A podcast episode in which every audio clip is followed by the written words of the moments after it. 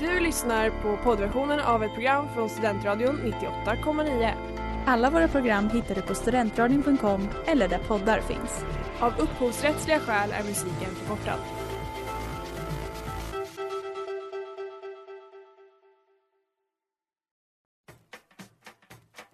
Hur är Uppsala som cykelstad? Men, men alltså verkligen cred till alla rättshaverister där ute. Vad har ni för relation egentligen till näthat? Det faktumet att man kan bli tvångsgift. En möpare, det är en militärt överintresserad person. De som argumenterar för att public service ska vara skattefinansierat. Systembolaget har ju liksom den stora fördelen att de faktiskt säljer sprit. Alltså det gör ju inte.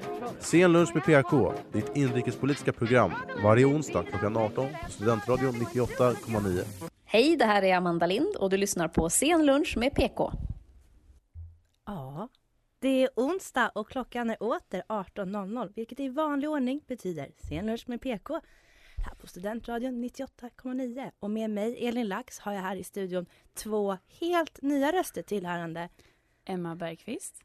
Marmar Morsferi. Ja, ehm, Gör ni bra ifrån er idag? Kanske ni får en bok om korv, ett interrailkort eller biljetter till ABBA-konserten i London. Eller det kanske var de, några av de sakerna som Stefan Löfven idag fick när han gjorde sin sista partiledardebatt. Och vem som gav vad får ni själva lista ut. Hur mår ni? Jo, men jag mår bra. Jag är pigg och glad, redo för en, lite helg faktiskt, tror jag. Ja. Du har kört, du det är kör, några dagar kvar, men jag längtar. Men du, du kör lillördag deluxe idag alltså? Ja, ja, ja.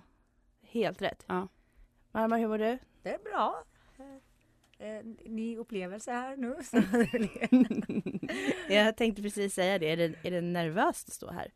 Ja, lite. Alltså lite. några sekunder innan här, då var det lite pirrigt. Mm. Samma här. Ja.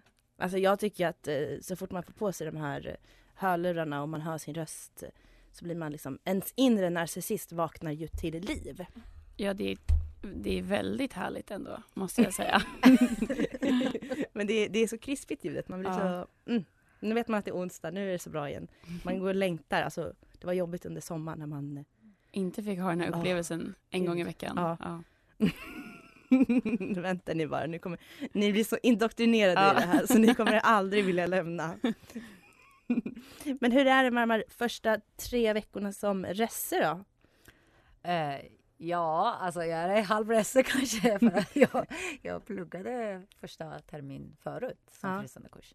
Men det var en fantastisk inspark. Mm. Eh, jag hade mm, intressanta upplevelser. Jaså? Ja, alltså både att jag är eh, eh, min bakgrund är jag är invandrare och eh, det var och jag har brytning. Jag kanske pratar inte svenska felfritt, men jag mm, tyckte om att alla accepterade mig och det var intressant. Eh, och jag har åldersskillnad också. Den är den största som jag var väldigt orolig Ja. Om jag kan följa alla den här grejer på insparken och orkar både energetisk eller... Men det gick jättebra och jag blev ung igen, tack! och då är det någonting som jag vill inte förlora. Alltså jag vill vara så. Ja. Jag vet att vad händer i tre år nu. ja, alltså med, med de orden så tycker jag att vi kickstartar den här kvällen.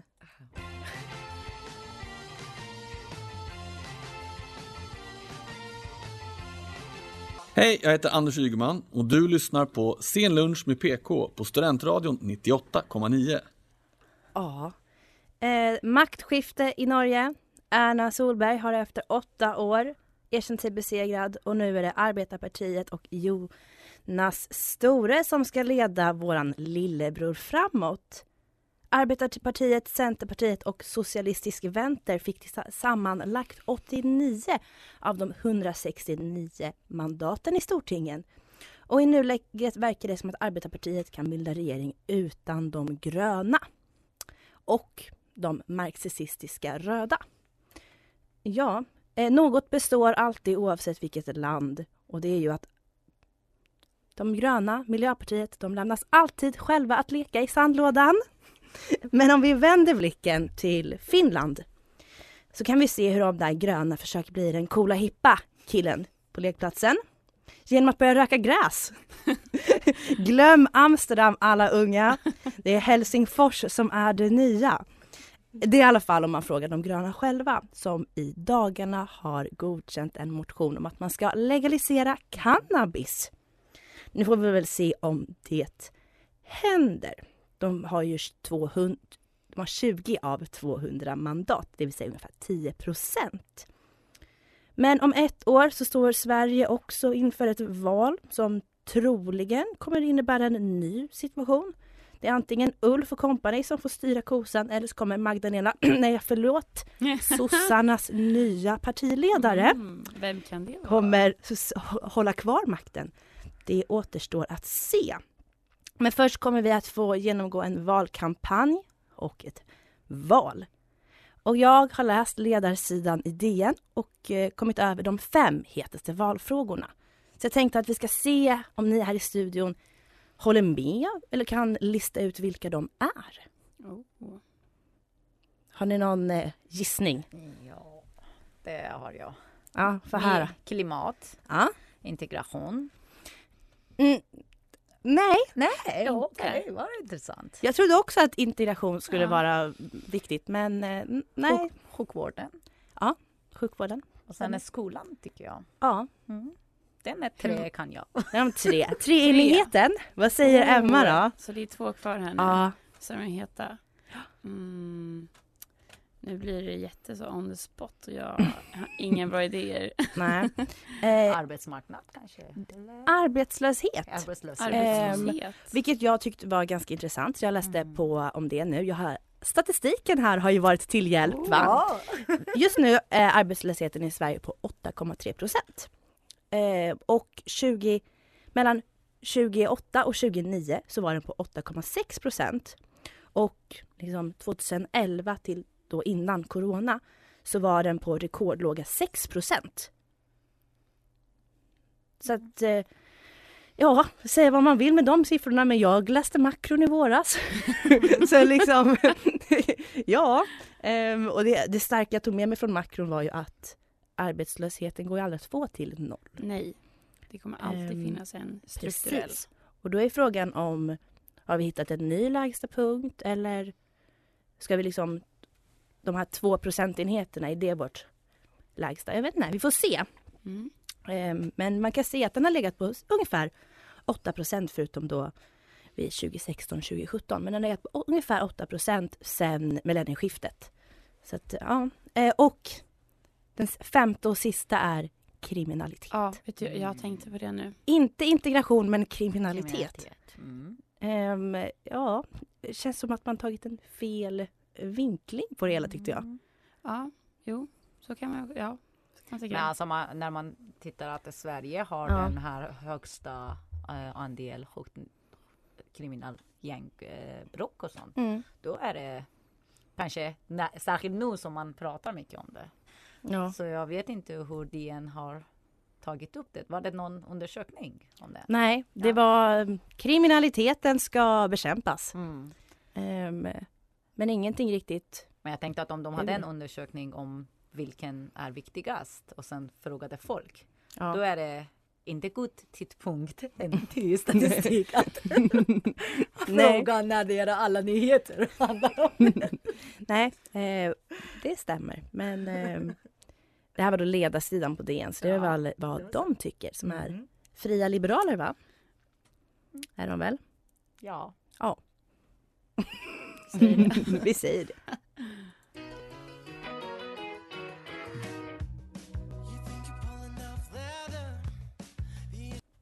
Ja, och Emma, då är det över till dig här och debuten. Oh. Okej, har ni eh, lyssnat på det vardagsfilosofiska rummet i P3? Mm. Mm.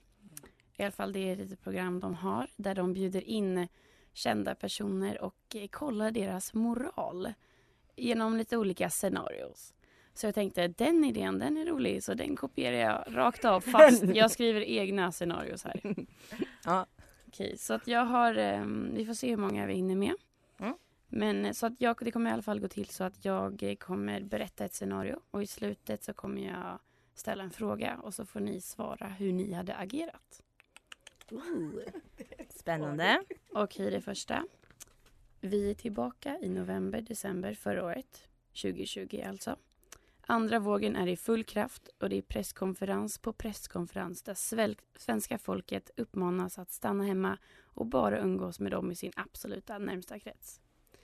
Du har fått slut på ditt älskade te som du inte vet hur du ska leva utan och som bara finns att få tag på på en liten okänd butik på Söder. Och eftersom att du bara måste ha ditt te och du aldrig har stött på någon annan i den butiken ger du dig iväg. Men när du är inne i butiken kliver helt plötsligt en till kund in. Självaste statsministern Stefan Löfven.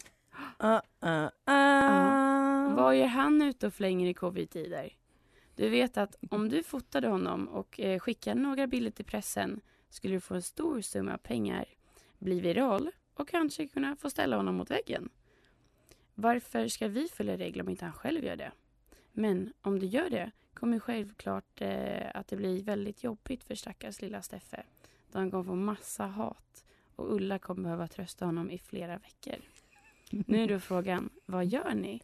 Tar ni bilden och skickar eller inte?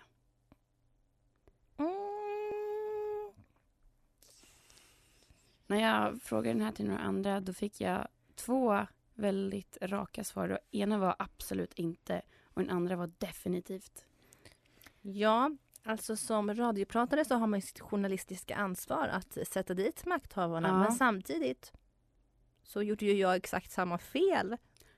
Jaså? Ja, men jag var i affären och såg Steffe. Ja, ja, ja. Ja, Eller du menar så? Och- det är så. Mm. Mm. Ehm, och hur trovärdig källa är jag då? Ja. Mm. Men... Och det är ju lite synd om Steffe. Han, hade ju, ju han det. kanske hade handlat sin rakapparat precis innan också. Ja. Då... ja. Nej. Men han ska väl också kunna få köpa sitt te? Nej. Han får smyga runt där? Ja. ja. Samma. Jag, Samma? Jag Ja. tänker det samma. Okej, alltså okej. de är också människor.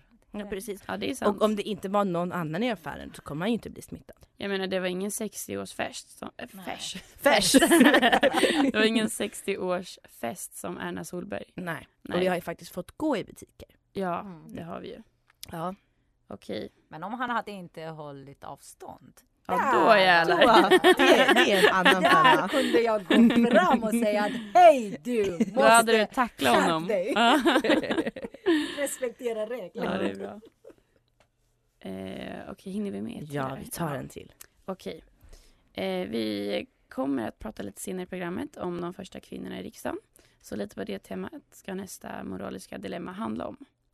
Du har blivit erbjuden en position på Skatteverket och det är inte vilken position som helst utan generaldirektörsposten.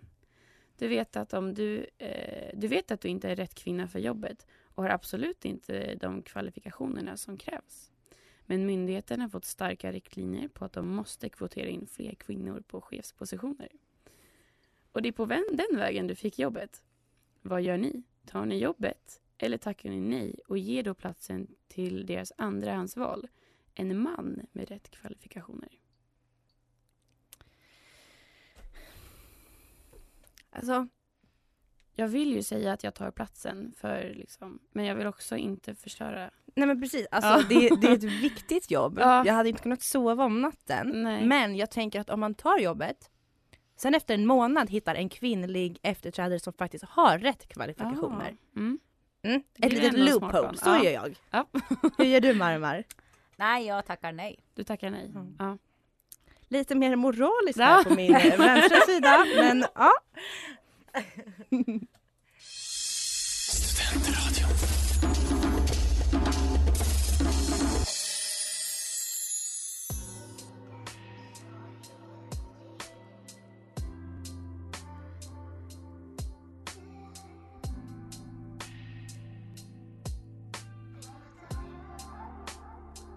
Hej, det här är Maud Olofsson.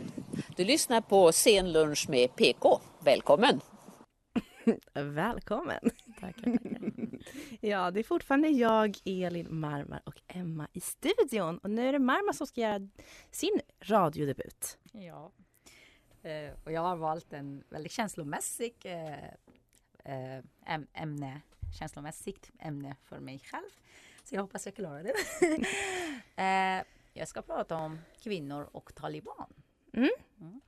Eh, vi vet att talibanen tog över makten igen i Afghanistan efter 20 år. Tyvärr. Ja. Demokratin fa- har fallit redan eh, i Afghanistan. Eh, och eh, det finns eh, nya ledare i eh, Taliban. Den nya ledaren vill att ha bra relationer med västvärlden och östvärlden, alltså hela världen. Mm. Så de även vill att till exempel ha eh, relation med Tyskland och eh, USA. Eh, och det är lite spännande på något sätt för att de var väldigt emot västvärlden hela tiden. Eh, samtidigt, det oroar mig eh, för att eh, jag är från Iran Mm. och vi hade ganska samma situation för 40 år sedan som fortfarande är. Och det kom att islamister tog över makten i Iran. Och Iran och Afghanistan är grannländer. Vi har väldigt gemensamma kultur, språk, religion. Eh, och, eh, så, och många av eh, de afghaner som eh, har bott ner i senaste 20 år i, och var aktivist och så, så de har utbildat till exempel i Iran och så, så det var väldigt, de var väldigt, eh, vi har väldigt nära eh, relation med många aktivister i Iran och aktivister i eh, Afghanistan.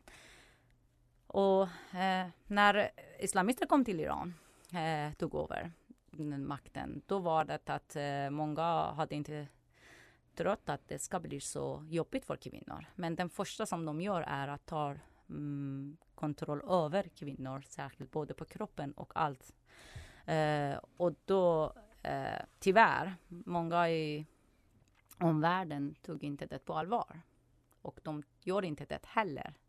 Man pratar mycket om kvinnors situation i de länderna, men de gör inte tillräckligt mycket.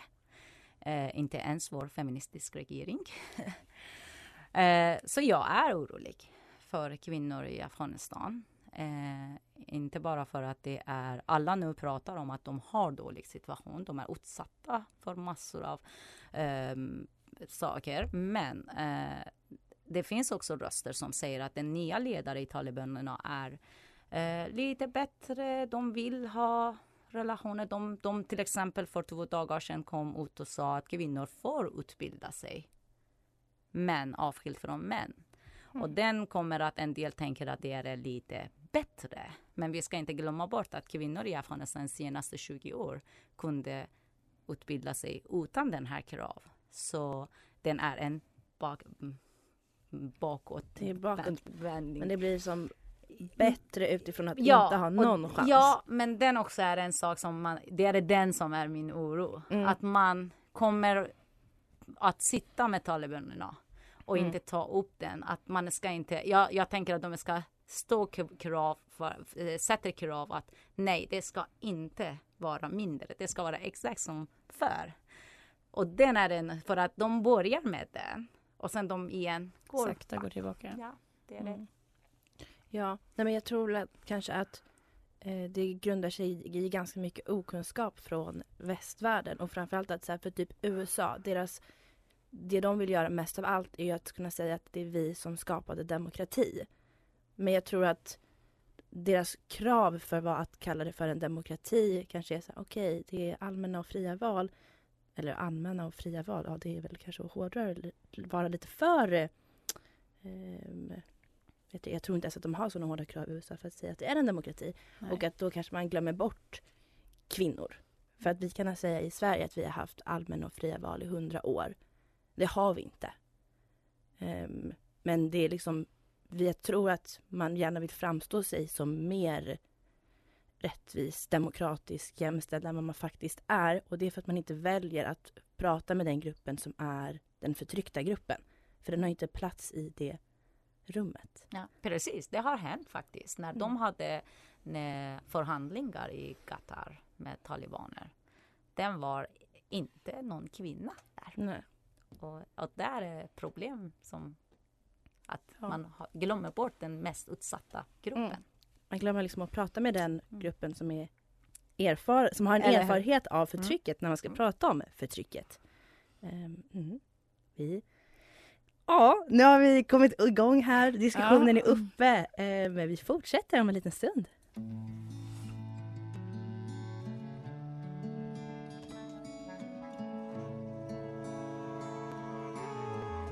Hej, det här är Robin och du lyssnar på Studentradion 98,9.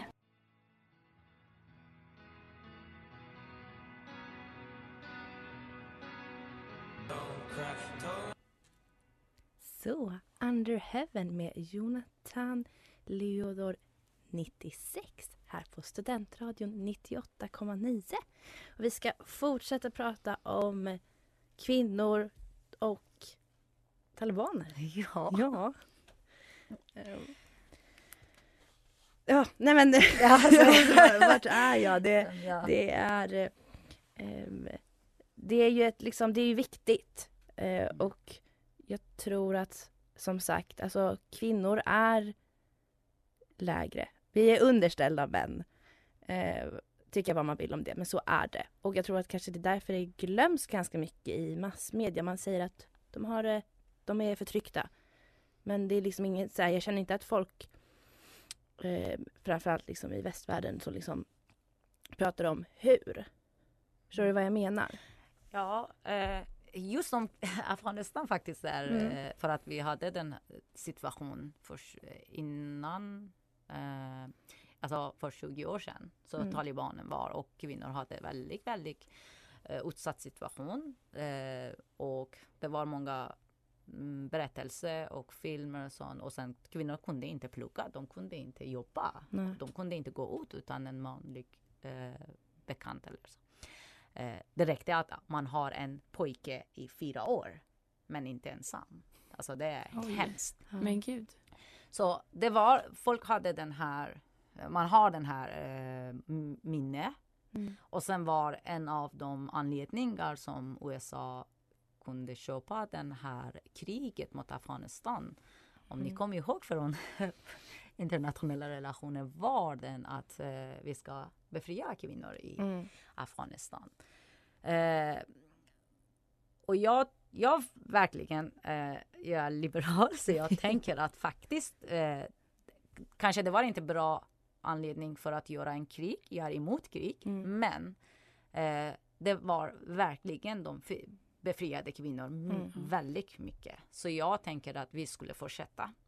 För att det tog, det tar tid att eh, eh, man vänder hela den här situationen. Att man har ingen rättigheter till att man kommer och till exempel i Afghanistan blev det så här att kvinnor hade inga rättigheter. Och sen från dagen ett som de började med ett val så kvinnor var i eh, parlamentet. Mm.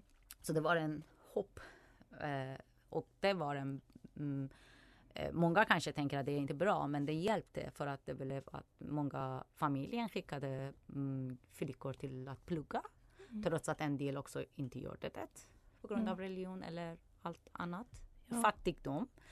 Eh, och den är att så, eh, man pratar mycket om kvinnors situation. Men poängen är för mig är att nu jag är orolig att man tänker att, det, att kvinnor kan utbilda sig eh, men eh, är bättre än att inte utbilda sig. Mm. Även Mm. om det är avskilt eller som kan hända i framtiden som har hänt i mitt land att kvinnor blir avstängt av en del eh, utbildning och jobb Mm. och bara blir, alltså till exempel du bara får utbilda i en viss yrke och kunna jobba bara två, tre yrke. Så där är att jag, vi, vi ska, jag vill gärna att eh, politiker eh, sätter gräns, gränsen högt upp, inte Mm. ner. Ja. Det känns som att de trivs med en lägsta gräns och tänker att nu, men det är bra. Alltså jag tänker att alla tänker att talibanen kan vara farlig. Alltså om ni Ja. ser att diskussionen i EU, jag förstår som en EU-medborgare, jag förstår att EU är orolig för sig själv både av flyktingvåg och eh, krig, terrorister. Så de hade pratat mest att hur ska vi hantera situationen att Afghanistan blir inte en ny plats, alltså fristad för terrorister. Det kan jag förstå från hela den här världspolitik. Alla tänker på sig själv och ingen vill ha en krig, ett, en krig till. Men eh, vad är mäns, mänskliga rättigheter? Gränsen för den. Så jag tänker att det är svårt, men jag vill gärna att alla ta, står för kvinnor i Afghanistan. För att de kämpar varje dag oavsett, alltså de går och protesterar. Ja. De blir slagna men de går. Så jag tänker att vi ska stödja dem. Ja, verkligen. Mm. Jag såg en video på när det var eh, kvinnor i Afghanistan som protesterade och de blev ju mötta av tårgas och mm allt möjligt. Och det är ju, alltså, jag beundrar att de vågar gå ut och kämpa. Mm. Och det, vi ska prata om mer kvinnliga kämpare efterlåt. Så, och det var Changing med Good Posture. Och som jag sa innan låten så ska vi prata om lite fler kvinnliga kämpar. Kerstin Hasselgren, Elisabeth Tam, Agda Österlund, Nelly Tyring, Berta Velin. Kom ihåg de namnen. För hundra år sedan, 1921, valdes de fem första kvinnorna in i Sveriges riksdag. Kerstin Hasselgren, Elisabeth Tam, Agda Österlund, Nelly Tyring och Berta Velin. Är det någon som känner igen de här namnen? Det har verkat saknas en lucka i allmänbildningen och den luckan ska Scener med PK nu fylla. Kerstin Hasselgren från Gästrikland var förutom den första kvinnan i den första kammaren även Sveriges första bostadsinspektis, skolköksinspektis och yrkesinspektis. Därav är hon även känd under namnet Kerstin den första eftersom hon var först inom så många områden. Som inspektis besökte hon bostäder, skolkök och arbetsplatser i syfte att höja standarden, det vill säga se över arbetsförhållanden och miljön människorna bodde i. Och i riksdagen arbetade hon framförallt med socialpolitik. Elisabeth Tam från Sörmland var adelsfröken som efter sin pappas bortgång axlade hans roll som godsägare. Hon sägs ha drivit godset med en järnhand och Elisabeth, likt Kerstin, var intresserad av sociala frågor men framför allt investerade i jordfrågan. Elisabeth blev bara några år hon, blev, hon var bara några år i riksdagen innan hon tyckte att det var dags att gå vidare då hon faktiskt inte åstadkom så mycket som kvinna. För det var en tydlig majoritet där och männen lyssnade inte. Agda Österlund från Köping började arbeta som sömmerska vid 14 års ålder och byggde senare i Stockholm upp en syateljé med flera anställda. Agda engagerade sig i frågor om hustrumisshandel, kvinnors rätt till pension och förbättrad vård åt kvinnor och barn. Då hon försökte diskutera rätten till abort reste sig många av riksdagsmännen och gick ur salen. Nelly Turing är från en liten by i Skåne, var fotograf och bland få kvinnor på den tiden som faktiskt skilde sig. Som ensamstående mamma öppnade hon fotoateljé först i Lund och senare på Järntorget i Göteborg. Som hon senare stängde ner inför valet 2021. Då, 1921 när hon reste runt i landet på motorcykel och höll runt 300 föredrag på ett år för att få fler kvinnor att rösta eftersom de inte visste hur de faktiskt skulle gå tillväga. Och för alla göteborgare där ute som lyssnar, jag ser er och jag hör er och jag vill att ni ska vara lite mer uppmärksamma när ni knatar förbi Korsvägen eftersom trappan i anslutning där har givits namn efter just Nelly Turig. Sen har vi Berta Wallin från Öland utbildade sig sjuksköterska vid Sofiahemmet i Stockholm och levde hela livet tillsammans med en kvinna. I början fick hon inte studera på Sofiahemmet eftersom hon hade kort hår. Men hon protesterade emot detta och lyckades komma in i alla fall. Och, eftersom hon, och efter att hon slutat som sjuksköterska så började Berta arbeta inom Svenska fattigvårdsförbundet och kom därigenom på det politiska spåret. Kerstin Hasselgren, Elisabeth Tam, Agata Österlund, Nelly Turing och Berta Velin. Kom ihåg de namnen. Så, lite lurigt där, men det var Cruel med Row. Och ja, ni har precis fått höra en kort biografi av de här fem första kvinnorna. Jag skulle kunna ha ett avsnitt åt varje kvinna, men jag tycker de är otroligt coola. Um, och jag kan rekommendera er alla att läsa Elin Wägner mm. uh, om ni vill få en lite mer beskrivande bild över hur Sverige och Stockholm såg ut 1910. Så tio år innan vi fick rösträtt. Uh, det Eh, det gör ju ont bitvis när man läser det. Men, ja. Kvinnorna samarbetade kring vissa frågor. Men de var lika spridda från landet eh, som de var i sina politiska åsikter. Eh, men som sagt, de samarbetade inom barnmorskors löner. Så en fråga. Eh, men eh, man kan missta sig och tro att alla kvinnor tycker likadant. Om man ser på så här eh, inför valundersökningar, så här, röstar kvinnor, så här röstar män. Eh, nu tenderar det ju vara så att eh, kvinnor som en väldigt stor grupp inte tycker likadant. Eller vad? det är Jo, inte ens... 50 procent av befolkningen tycker exakt, är exakt likadant. Ja, likadana åsikter. Ja. Mm. Ehm, så därför så tänker jag att ni ska få gissa då hur, vilka åsikter eller liksom vilket parti de här fem oj, kvinnorna röstade på. För som sagt, den typiska moderatröstaren idag gillar ju italiensk mat och tittar på House of Cards. Medan en miljöpartist gillar indie och tittar på Skam. Jag vet inte, alltså miljöparti, en sann miljöpartist tittar kanske på någonting lite nyare än Skam. Men ja, ja, SCB. eh, så. Vilka fördomar har ni om de här fem kvinnorna och deras i- ideologiska tillhörighet? Första kvinnan som ni ska då vara fördomsfulla och anta vad hon tror är då Nelly Turing, en ensamstående mamma från Skånes skogar som innan politiken var verksam fotograf. En ledtråd är ju att hon hade sin ateljé på Järntorget i Göteborg. Vilket parti tillhör hon? Alltså en spontan gissning så är det Moderaterna. Socialdemokrat. Ja. Nej, Eh. men gud, jag är helt korkad. Förlåt. Nej, det är inte Nej, kanske det är. Men det är Göteborg. Det är ju för fan. Det är arbetarstaden Göteborg, ja. Göteborg. Hon var socialdemokrat. Jag tänkte en sån ateljé, jag tänkte hon är lite fin i kanten. Alltså alla ja, men alltså det är inte så här, fotografi kan ju inte ha varit jättebilligt. Nej, Nej. Eller att, hur? men ja. Men så är det inte cool. så att de, på den tiden var det typ medelklass och överklass som var så här utbildade och kunde... Så, Jo. så de var ändå, men vilken politisk Ja. idé är det inte? Exakt. Så. Den här eh, vad heter, romantiserade bilden av den kämpande konstnären var ju på riktigt Mm. för hundra år sedan. Sen har vi Elisabeth Tam, godsägare från Sörmland, känd för att ha varit riktigt sträng. Även grundaren utav Kvinnliga Medborgarskolan i Fogelstad. Liberalerna samlingspartiet. Jajamensan, Oj. det stämmer. Sen har vi då Berta Wallin, ölänning, lesbisk sjuksköterska som var verksam inom Fattigvårdsförbundet. Vänstern kanske? Mm, Marmar, vill du gissa? Eh, ja.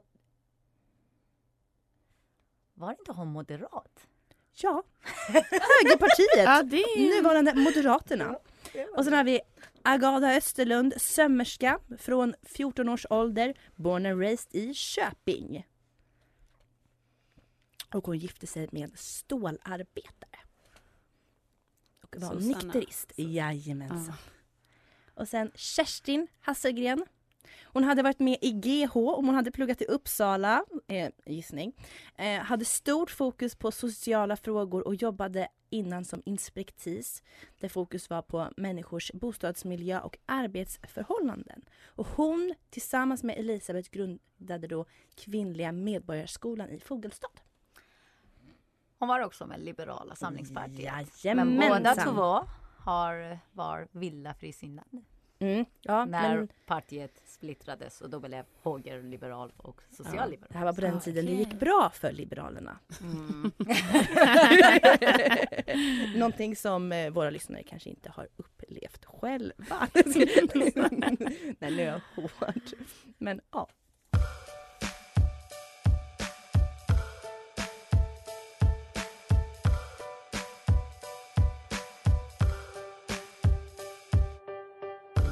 Känns som ni som måste vara här Mitt emot mig och var så sjuk, så snygg och vacker Och det var mm, verkligen något jag trodde jag inte ja, i det guldiga prasslet med Folke Njaro och eh, Anna Järvinen.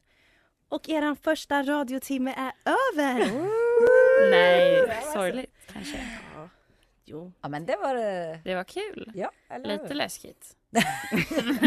Jag var nervös först men nu det gått över. Men du välkomnar oss väldigt bra. Ja, men vad snällt. Ehm, så får vi hoppas att inte ni får komplimangen Oj vilket radioansikte du har. Oh. ja, jag har fått. Ehm, nej det har jag inte. Men ehm, det är i alla fall det man bävar för. Ja, det vill man inte Nej, höra. det vill man inte höra. Men gärna komplimanger för rösten. Ja. Alltså det är inte helt fel. Eller ämnena som vi pratade om. Ja, så kan man Det här var så seriöst. ja, jo. Men jag tänker att alla tycker om de ämnena vi pratar om. Ja. Att våra diskussioner är så givande. Eller ett diskussionsunderlag som jag brukar säga. Eh, ja, eh, en timme har gått. Eh, och det enda som jag har att säga då är ju då om man är lite sugen på det tyska valet så kommer då KU och UR ha valvaka den 26. Om man är intresserad och mer information kommer på UPS kanaler. Wow. Ehm, men med mig i studion har jag då haft Emma Bergqvist. Marmar Moshferi. och Elin Lax har varit vid spakarna en dag, en sändning utan teknikstrul. Det är nog eh, det är min största vinst faktiskt. Ehm, jag, kan, eh, jag kan sluta på topp nu faktiskt. Bara lägg av. ja. Ja, Vi hörs om en vecka hörni. det gör vi. Hej då. Hej då, hej då.